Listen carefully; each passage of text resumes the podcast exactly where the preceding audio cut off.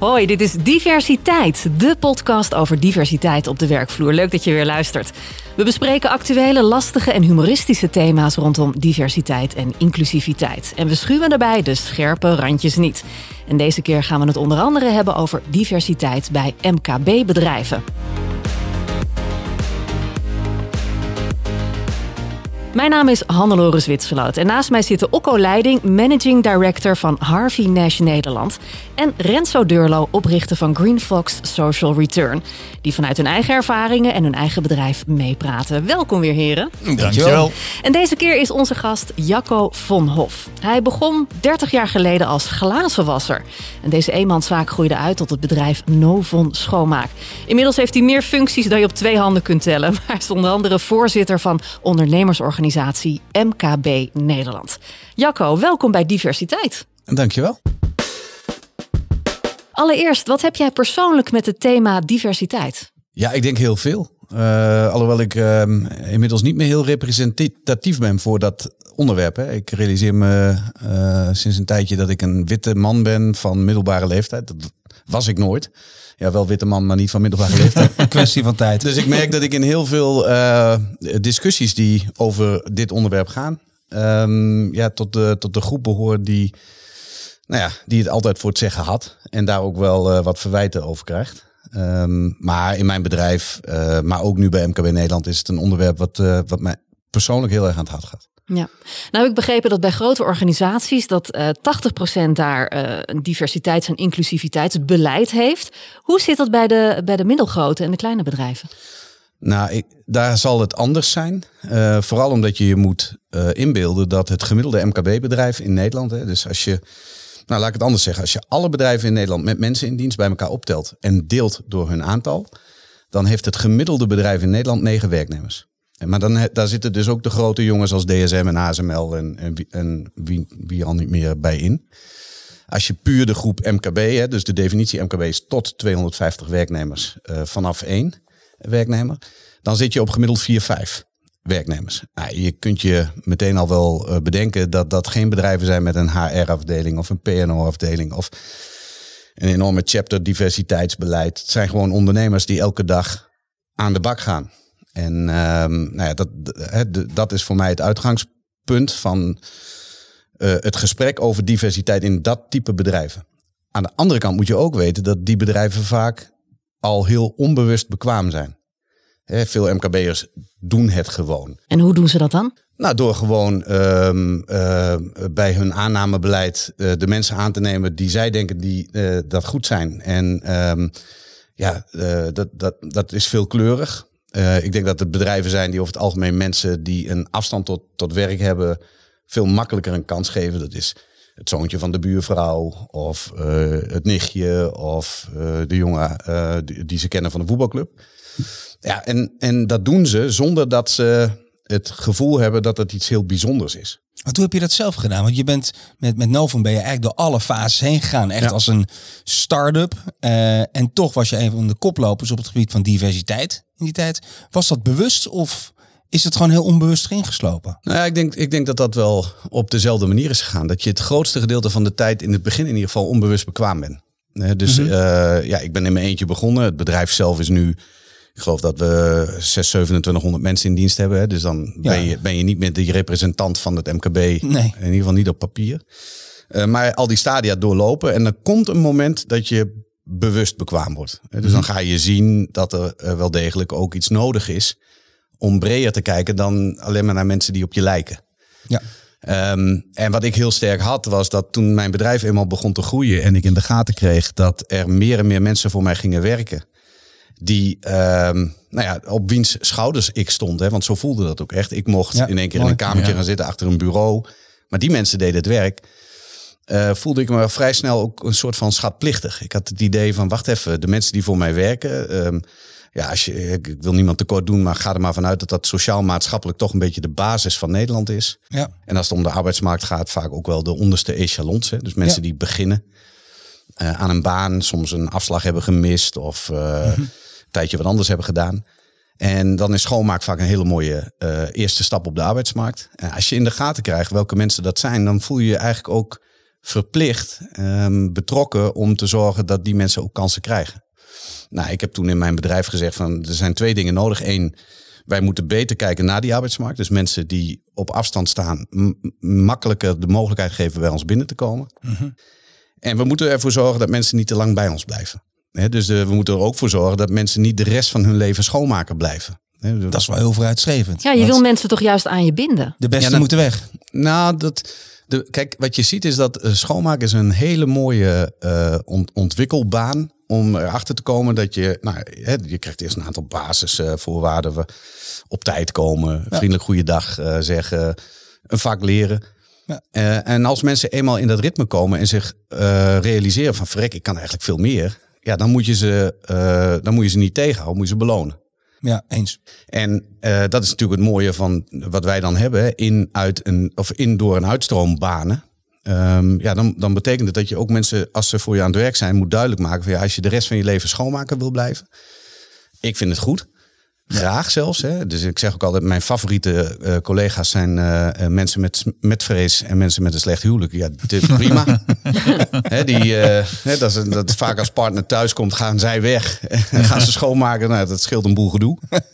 um, maar alle andere mensen zouden veel meer moeten kunnen. Um, en dat is, volgens mij is dat ook logisch, want daarmee bouw je een heel groot netwerk van ambassadeurs en mensen die een goede tijd bij je hebben gehad. En nou, nou bij 3000 man, uh, bijna 3000 man bewijs je het ook wel dat het heeft. Uh, ja, gewerkt. en wat je ook ziet, hè, dus bij ons is het verloop nog steeds zo'n, denk ik, 30% per jaar. Uh, mensen die, die, die, die komen en weer weggaan. Mm -hmm. um, maar wij hopen altijd dat de mensen die weggaan, beter weggaan dan dat ze kwamen. nou ja, en als dat lukt en we kunnen nog steeds voldoende aanwas vinden, dat is tegenwoordig wel steeds ingewikkelder. Ja, dan, dan doen we het gewoon goed. En Mooi. nogmaals, ik, uh, ik, ik vind het ook oprecht. Ik heb jarenlang zelf uh, treinen schoongemaakt. Uh, was een grote opdrachtgever van mij, de NS. Veel jongens, en vooral jongens die dat werk deden, daar ook redelijk goed verdienden. Maar het is onwijs zwaar werk. Ja. En als je dat werk je hele leven moet doen, dan weet je dat je op je 50ste, 55ste gewoon fysiek kapot bent. Ja, dat moet je mensen niet aandoen. Dus dan moet je zorgen dat je ze ja. vertelt van, joh, na vijf of na tien jaar moet je echt, dan moet je weg zijn. Nou ja, dat hebben we gewoon zo, zo ingevoerd. Je ziet vaak in hele grote bedrijven uh, dat er programma's uh, worden opgericht om trainingsdoelstellingen of uitstroom of doorstroomdoelstellingen te halen. Heb je dat ook gedaan of zit het gewoon in de DNA van het bedrijf en is dat gewoon zoals het gaat? Ja, kijk, naarmate je groter wordt, uh, moet je iets, iets meer beleid maken. Maar ik ben, ik ben er wars van. Hè. Ik ben MKB-voorzitter en al dat beleid, al die letters, al, die, al dat papier, al die stroomschema's. Ik word, word er wel eens moe van. Maar als je bedrijf groter wordt, wil je natuurlijk wel zorgen dat, um, dat, um, dat het idee wat jij had oorspronkelijk, dat dat wel blijft bestaan. Nou, het leuke is dat ik nu nou, al een aantal jaren natuurlijk dat MKB-werk doe en eigenlijk heel weinig nog uh, operationeel in mijn bedrijf uh, ben. En onlangs was ik, liep ik toevallig een meeting binnen in, in mijn bedrijf per ongeluk. En daar zag ik een van mijn collega's die uh, in dienst was gekomen nadat ik überhaupt, uh, uh, hè, toen ik al naar MKB Nederland was. Dus ik, ik, ik wist natuurlijk wie ze was, maar ik had haar nog nooit meegemaakt in het werk. En die vertelde even in een notendop waar Novon voor stond, het bedrijf. Hè? Ja. Ja, ik werd daar zo trots van, want, want zij kon gewoon 100% reproduceren waar ik ooit vandaan vertrokken was. Um, nou, en dan, Supermooi. Dus als het een beetje in het DNA zit, in de genen van je, van je organisatie, Um, ja, dan hoef je niet alles te beschrijven. Maar zo langzamerhand uh, is het wel belangrijk om ook weer om het door te geven. Uh, af en toe wat aan papier toe te vertrouwen. Maar liever niet. En als je nou kijkt naar de middelgrote bedrijven, hoeveel procent daarvan is dan uh, onbewust be bekwaam? Hoeveel procent daarvan doet inderdaad aan actief aan diversiteitsbeleid, zonder dat ze het weten?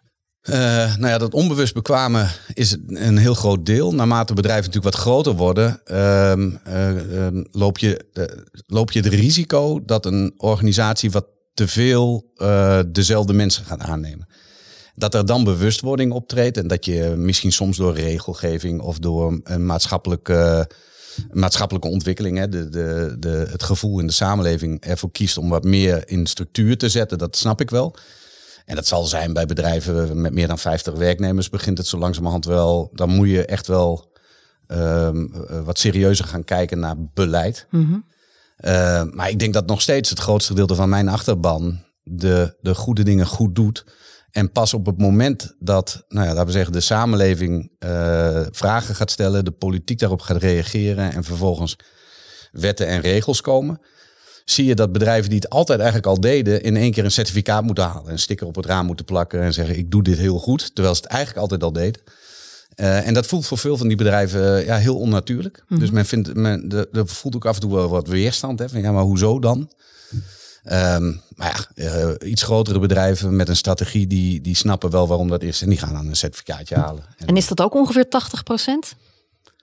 Ja, dat Heb je daar een beeld van? Nou, kijk, ik, ik, het ingewikkelde is dat met veel van deze maatschappelijke thema's... Um, zeg maar de, de, de uitwassen aan de randen, hè, dus de dingen die wij uh, eigenlijk allemaal wel voelen die niet goed zijn. Hè, bedrijven waar wordt gediscrimineerd, of bedrijven waar uh, inclusie of, uh, of diversiteit helemaal niet speelt. Ja, dat, dat is een bepaald percentage, een kleine groep. En daar willen wij dingen veranderen. Vandaag.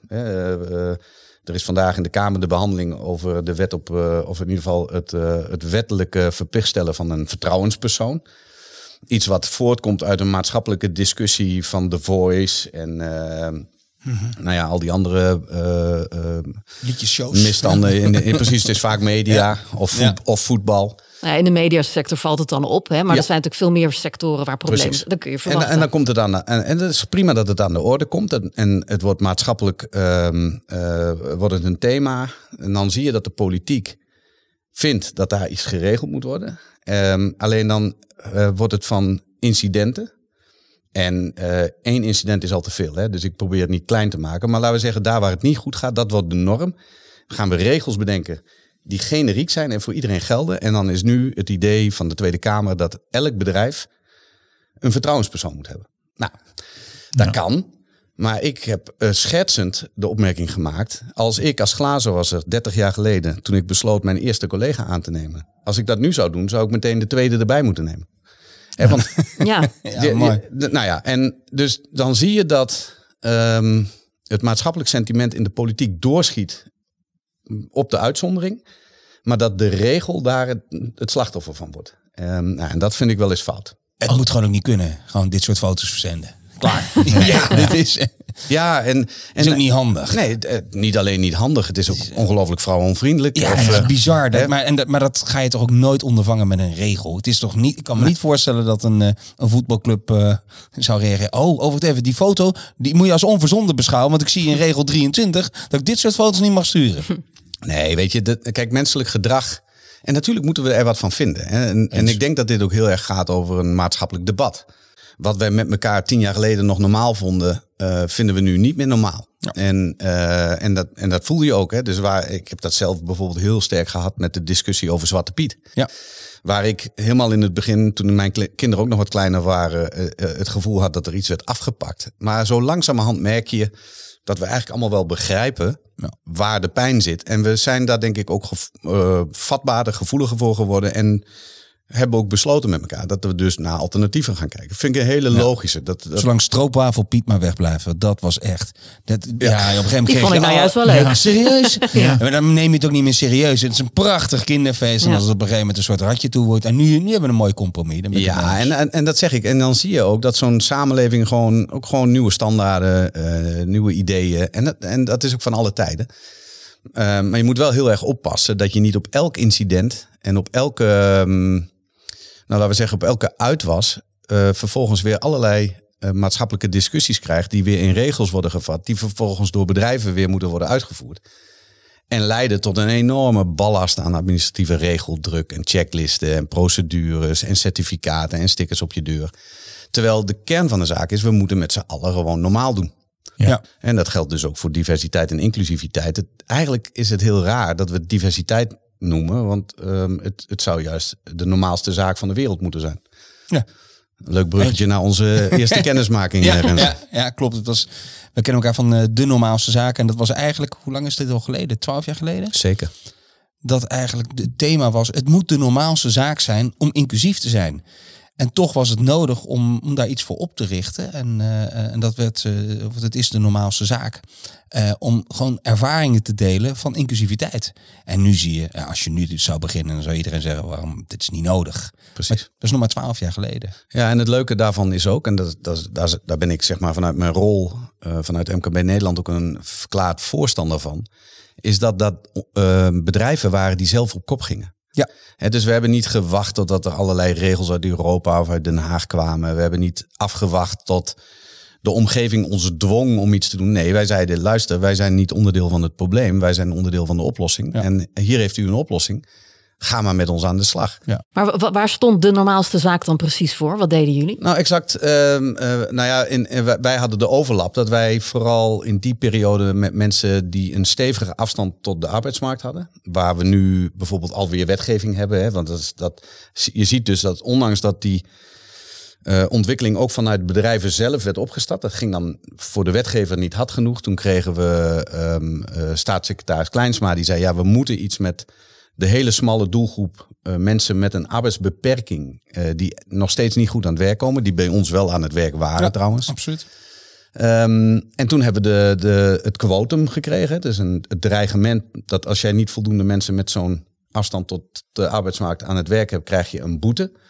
Toen hebben werkgevers vervolgens gecounterd en gezegd van ja, maar dat kan niet de bedoeling zijn. Dat je iedereen een boete geeft. Uh, Um, uh, we moeten dit uh, specifieker maken. En toen hebben wij gezegd vanuit werkgevers, nou, weet je wat we doen?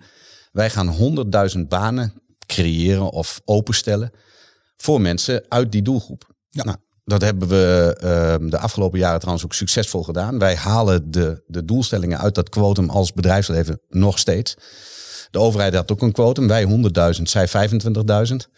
En zij halen hem bij lange na niet. En uh, nou, dat blijft ook altijd wel lekker onderhandelen. ja. dat is een beetje de standaard. Dit. Ja, maar het geeft maar aan dat je dus ziet dat, dat, dat zo'n beweging, um, als die niet snel genoeg gaat, dat, het, dat dan de samenleving via de politiek toch uh, kaders gaat stellen. Ja, en dan gaan nog meer bedrijven reageren. Dat is dan wel weer de waarheid. Uh, maar dan blijkt ook dat bedrijven ook weer de oplossing zijn. Want wij doen het gewoon. Ja. Als je nu kijkt naar de, de, de Kamer debatteert uh, uh, over uh, de, de ombudspersoon binnen het bedrijf, of de, de vertrouwenspersoon. het is International Women Day, terwijl wij dit opnemen. Ja, drie mannen en één vrouw. Dat is ook wel helemaal redelijk representatief. Ik was vroeger, maar... dat, dat, dat, dat blijft een ding hier, Jacco. Het spijt ons. Um, beweging voorwaarts. Um, Twaalf jaar geleden hebben jullie de schouders eronder gezet. Waar moeten we nu onze schouders onder zetten? Wat is de volgende stap voorwaarts? Ja, nou, wat, waar ik net al probeerde over te beginnen, hè, is dat we dit, dat dit soort onderwerpen niet meer in de hoek komen van uh, divers en inclusief. Hè, maar dat het normaal is dat je bedrijf bestaat uh, uit mensen uit verschillende doelgroepen, uh, met verschillende afkomst, verschillend geloof, verschillende seksuele geaardheid, verschillende kleur, maar ook uh, een lastig lichaam of een mentale of een, uh, of een andere beperking. En ik denk dat dat, hè, dat daar, daar zijn we nog niet. Maar het Mhm. zou heel mooi zijn dat we dit onderwerp gewoon van de kalender kunnen halen. Uh, een van de belangrijke drijvers op dit moment, on, een versnelling onder dat, uh, on, onder dat vraagstuk is wel de enorme arbeidsmarktkrapte die we hebben. Ondernemers die nu nog heel kieskeurig zijn, ja, die vissen ook gewoon achter het net. Hè? Ja. Dus dat, dat, ik bedoel, dat is het enige voordeel van een hele krappe arbeidsmarkt, is dat ondernemers zich bewust zijn van het feit dat de ideale kandidaat niet meer bestaat. En ik denk dat ondernemers ook steeds meer in de gaten krijgen dat mensen aannemen die heel erg op je lijken over het algemeen niet het beste bedrijf van Nederland opleveren. En je, je kunt ze wel aardig vinden. Ja. Ik deed dat in het begin van mijn bedrijf ook. Ik nam allemaal mensen aan die precies hetzelfde waren als ik. Nou, dat was bijna mijn faillissement geworden. Want weet je, ze konden allemaal heel mooie verhalen vertellen, maar niemand kon leveren. Ja. Um, en je ziet zo langzamerhand ook wel bij bedrijven het bewustzijn, bewustwording dat um, door verschillende brillen kijken naar hetzelfde probleem, naar je bedrijf, mm -hmm. dat dat veel mooiere en intelligentere oplossingen op, oplevert dan allemaal dezelfde mensen die op dezelfde manier naar het probleem kijken. Ja, de, de ideale kandidaat bestaat wel, maar in een hele andere hoek dan je verwacht. Ja, en um, ja, weet je, dit soort processen, nou, International Women's Day, uh, ja, ook die discussie gaat natuurlijk al jaren. Hè, van hoe kan het nou toch dat die diversiteit aan de top nog, nog niet 50-50 uh, mm -hmm, is? Hè? Want ja. volgens mij is dat de verdeling van man-vrouw. Ja. Ehm, dus we hebben daar echt nog wel een paar hele grote stappen te maken. Maar je moet ook niet te negatief zijn. Want als je ziet waar we vandaan komen en waar we inmiddels al zijn. En wat er uh, inmiddels aankomt, hè, als ik kijk naar de jongere generatie, um, als ik zie hoeveel jonge vrouwen nu doorstoten en op goede posities terechtkomen, talent voor de toekomst, dan denk ik dat we over 15 of over 20 jaar echt al wel een flinke stap gemaakt hebben. Alleen zo lang duurt het ook. En dat, is, dat, is, niet, uh, dat is niet van, uh, nou ja, we kunnen er niks aan doen, we, we moeten gewoon 20 jaar wachten. Het is wel degelijk ook werk. Maar je moet ook oppassen dat je niet Hè, dat je niet denkt dat je van de een op de andere dag dit soort onderwerpen, uh, dit soort maatschappelijke uitdagingen zomaar kantelt. Mm -hmm. um, dus ik, ik geloof en ik hoop uh, dat, dat, een, dat een podcast over diversiteit over 25 jaar gewoon een onzinnige bezigheid is. Absoluut. Wij met jou. Ja, ja, absoluut. Verzinnen we wel weer Ja, wat anders. hoor. Ja, maar, natuurlijk. ja. Dan zeggen we tegen elkaar, weet je nog? Flipperen, flipperen dacht ik. hè. of, wat mooie dacht je, of wat dacht podcast. je van een hulpprogramma voor die arme witte man die nergens meer aan de bak komt? Denk je, Ja, dat, dat lijkt me dat, goeie. kan, dat zou, hè, dat- dan, hebben we het, dan hebben we het echt gered. Of gepensioneerde oude mannen. Gepensioneerde oude blanke mannen. Ja. Daar zouden ze inderdaad een goede podcast over 20 jaar voor moeten doen. Achter de geraniums. Ja. Nee, natuurlijk niet. Achter een flipperkast in de kroeg. natuurlijk niet. Nee. Bij Novum heb je natuurlijk een ontwikkeling doorgemaakt van, van 1, 2, 3 naar Veel. veel. Bijna 3000. En vanaf een bepaald moment ben je heel divers geworden als onderneming. Wat waren de grootste verrassingen voor je? Van, oh wacht eventjes, zo heb ik er nooit naar gekeken. Wat waren de mensen die het meest hebben verbaasd? En wat ook, zeker als ondernemer, schaalbaar bleek te zijn.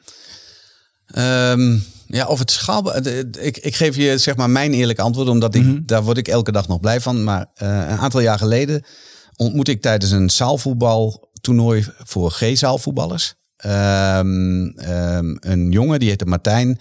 En Martijn eh, die eh, had cerebrale parese. Vroeger noemden we dat spasme. Oké, ja. Ehm, maar heel ernstig. Eh, dus kon zich verbaal niet heel goed uiten. ongecontroleerde lichaamsbewegingen. Maar wel een hele intelligente vent. Net zo oud als ik. En hij werkte bij het lokale SW-bedrijf. En daar was hij diep ongelukkig. Want daar werd hij eigenlijk een beetje aan het werk gehou- gehouden. Eh, en ik kreeg een klik met hem. En heb op een gegeven moment gezegd... Martijn, zou je niet bij mij willen komen werken? Nou, dat was geen goede doelentoestand. Het, het was ook gewoon een hele eh, intelligente jongen. Ik kon hem ook gewoon gebruiken. Eh, maar vanaf het moment dat Martijn bij mij in het bedrijf is gaan werken, en hij werkt bij ons op kantoor, ehm, is er iets veranderd in de mindset van de anderen. Ja. Dus als jij ziet hoeveel moeite Martijn moet doen om elke dag op zijn werk te komen. Om de meest simpele taken die wij voor ons allemaal vanzelfsprekend zijn. Een kop koffie pakken of eh, eten of, of, of zijn toetsenbord gebruiken. Ehm, en je ziet dat die jongen elke dag, maar dan ook werkelijk elke dag op zijn werk is. Nooit verzuimt. Het, het echt soms heel moeilijk heeft. Hè, want die spieren van hem, dat, dat, dat doet pijn en dat is ellende.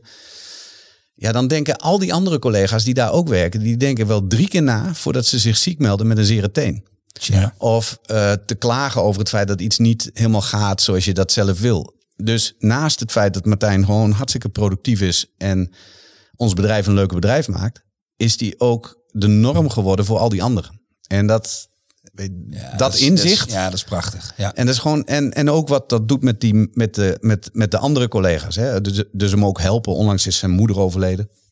En dan zie je dat zo'n heel team, allemaal mensen er ook gewoon omheen gaan staan. Ja, dat is misschien wel het mooiste. Ja. Dus, eh, en dat, dat is heel zacht en het is- klinkt allemaal hartstikke, eh, weet je, aaibaar. Maar het is ook keihard. Want het ziekteverzuim onder zijn collega kantoormedewerkers ja, is gewoon gedaald. ja. Want je durft je gewoon niet ziek te melden. Nee, terecht. Mooi. Ja. Ja, Dankjewel. bizar zeg. Heb jij tot slot nog een tip voor mensen die nu luisteren eh, vanuit jouw expertise, hoe ze diversiteit en inclusiviteit kunnen bevorderen? Nou ja, wat ik al eh, in het begin al zei, hè, eh, even weer terug naar namens wie ik hier mag zitten. Hè. Dus de, die hele grote brede MKB-achterban. In, in mijn achterban zijn er 220.000 bedrijven. Er werken trouwens ook 4,5 miljoen mensen. Dus we zijn de grootste werkgever van Nederland, by far. Ehm, maar dat, je, dat ondernemers het natuurlijk bij zichzelf blijven zoeken. Ehm, eh, goed moeten kijken naar wat vraagt nou een samenleving van ons. Wat kan ik zelf doen, proactief. Ehm, maar zich niet te veel zeg maar, in de hoek laten drukken van het probleem. Dus laat gewoon zien wat je doet.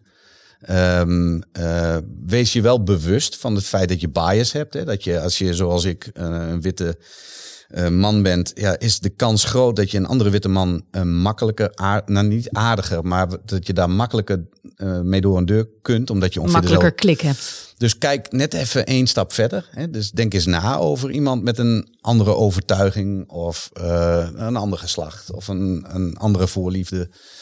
Um, dat helpt wel om je bedrijf beter te maken. Uh, dus, dus, dus in ieder geval neem het mee. Ook als je mensen gaat aannemen, kies niet meteen voor wat je kent, maar kijk ook uh, één slag dieper.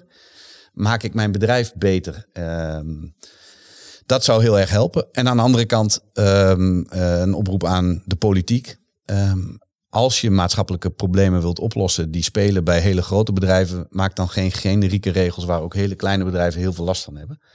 Want daarmee sla je eigenlijk al het enthousiasme en de ondernemerslust hartstikke dood. En het grootste risico wat ik zie voor de BV Nederland is dat uh, veel mensen ondernemerschap niet meer leuk vinden. Dat veel ondernemers het niet meer leuk vinden om mensen in dienst te nemen. En dat we daarmee de toekomstige groei van onze economie uh, geweld aandoen. En uh, als laatste, groei is niet alleen maar meer, meer, meer. Hè? Want dat denken mensen vaak als ze ons horen praten. Ja, die willen alleen maar meer, meer geld. Um, groei betekent ook, kan ook betekenen uh, anders groeien. Beter worden, innoveren, uh, klimaatadaptief worden. Maar ook daar heb je wel bedrijven voor nodig die willen groeien.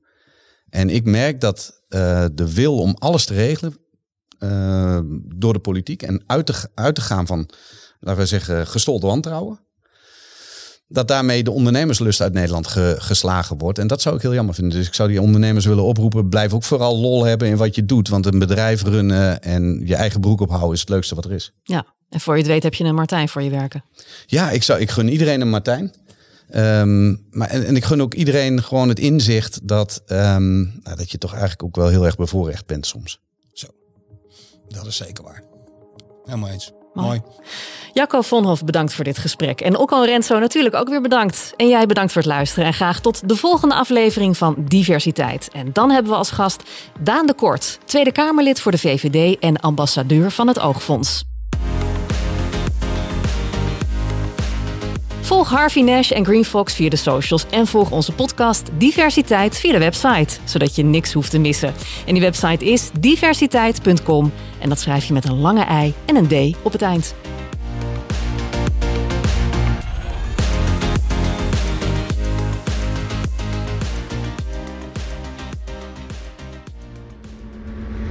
Deze podcast is met trots geproduceerd door Content Leaders